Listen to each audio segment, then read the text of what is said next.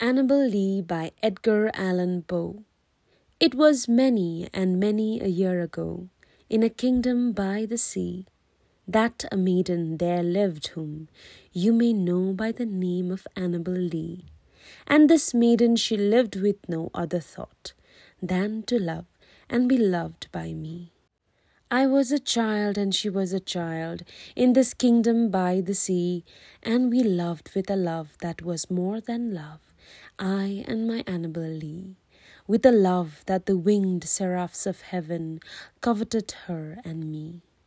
And this was the reason that, long ago, in this kingdom by the sea, a wind blew out of a cloud, chilling my beautiful Annabel Lee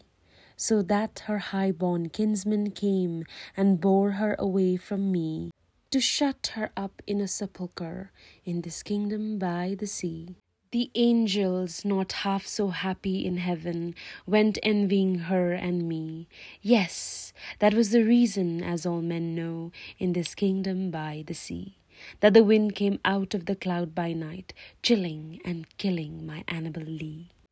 But our love, it was stronger by far than the love of those who were older than we, of many far wiser than we, and neither the angels in heaven above, nor the demons down under the sea, can ever dissever my soul from the soul of the beautiful Annabel Lee. For the moon never beams without bringing me dreams of the beautiful Annabel Lee, and the stars never rise but I feel the bright eyes of the beautiful Annabel Lee, and so all the night tide I lie down by the side of my darling, my darling, my life and my bride, in her sepulchre there by the sea, in her tomb by the sounding sea.